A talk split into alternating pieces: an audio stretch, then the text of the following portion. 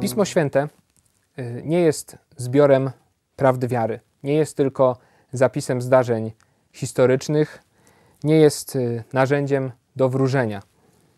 Bóg nigdy nie działa w taki sposób, nie wykłada nam y, wprost wszystkich swoich przykazań prawdy wiary. Zaprasza nas za to do relacji, do osobistego spotkania ze sobą. W ten sposób rozumie Słowo Boże jako możliwość osobistego spotkania z Bogiem Benedykt XVI.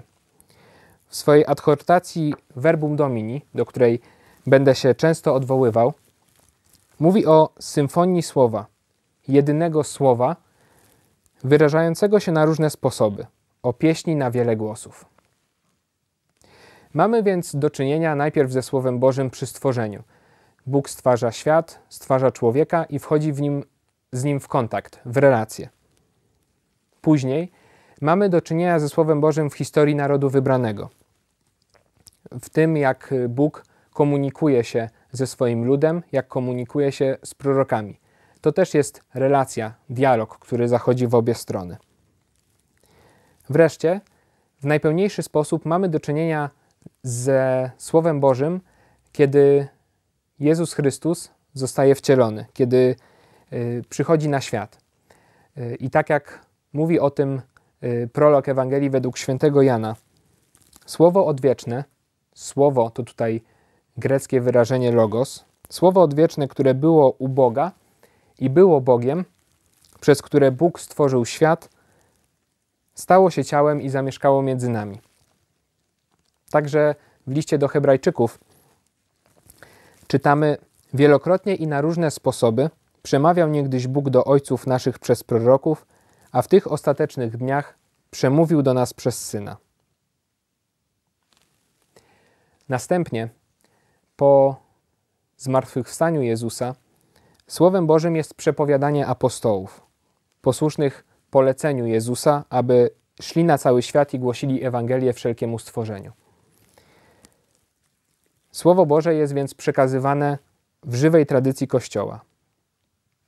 Wreszcie, Słowem Bożym nazywane jest też Pismo Święte, Stary i Nowy Testament. Wszystko to wskazuje na prawdę, że chrześcijanie to nie jest lud księgi, y, że wiara chrześcijańska nie jest religią księgi, a religią Słowa Bożego.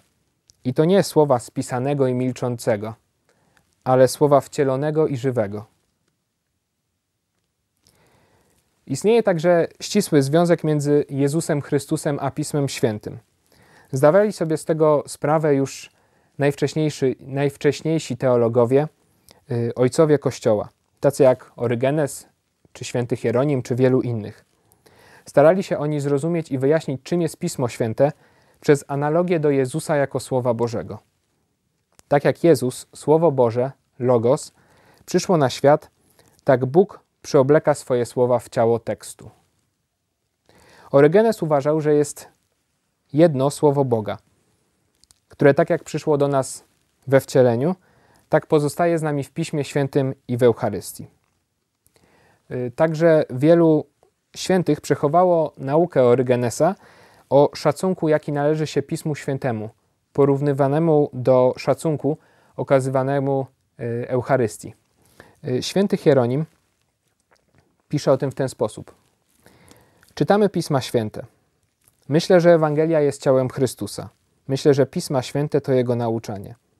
A kiedy On mówi, jeżeli nie będziecie jedli ciała Syna Człowieczego, ani pili Jego krwi, to chociaż te słowa można rozumieć w odniesieniu do tajemnicy eucharystycznej, niemniej jednak ciało Chrystusa i Jego krew są prawdziwie słowem Pisma, są nauczaniem Bożym.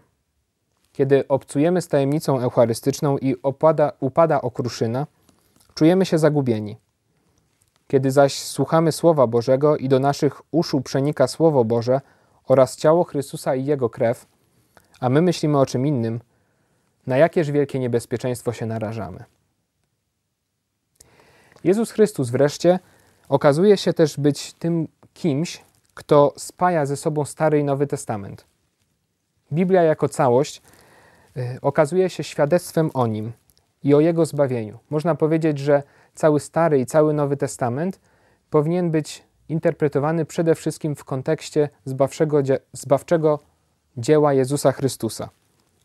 Dlatego tak często słyszymy w Nowym Testamencie o tym, że w życiu Jezusa, y, w jego działaniu, wypełniło się pismo. Tak więc to wydarzenie Jezusa, jego wcielenie, śmierć i zmartwychwstanie stanowią fundament dla całego bycia, jestestwa, y, racji bytu Pisma Świętego. Verbum Domini, wspominane, opisuje to w ten sposób. Odwieczne słowo, które wyraża się w stworzeniu i przemawia w dziejach zbawienia, stało się w Chrystusie człowiekiem, zrodzonym z niewiasty. Słowo nie wyraża się tu przede wszystkim w sposób dyskursywny, poprzez pojęcia lub reguły. Obcujemy tutaj z osobą samego Jezusa. Jego jedyna i szczególna historia jest ostatecznym słowem, jakie Bóg kieruje do ludzi.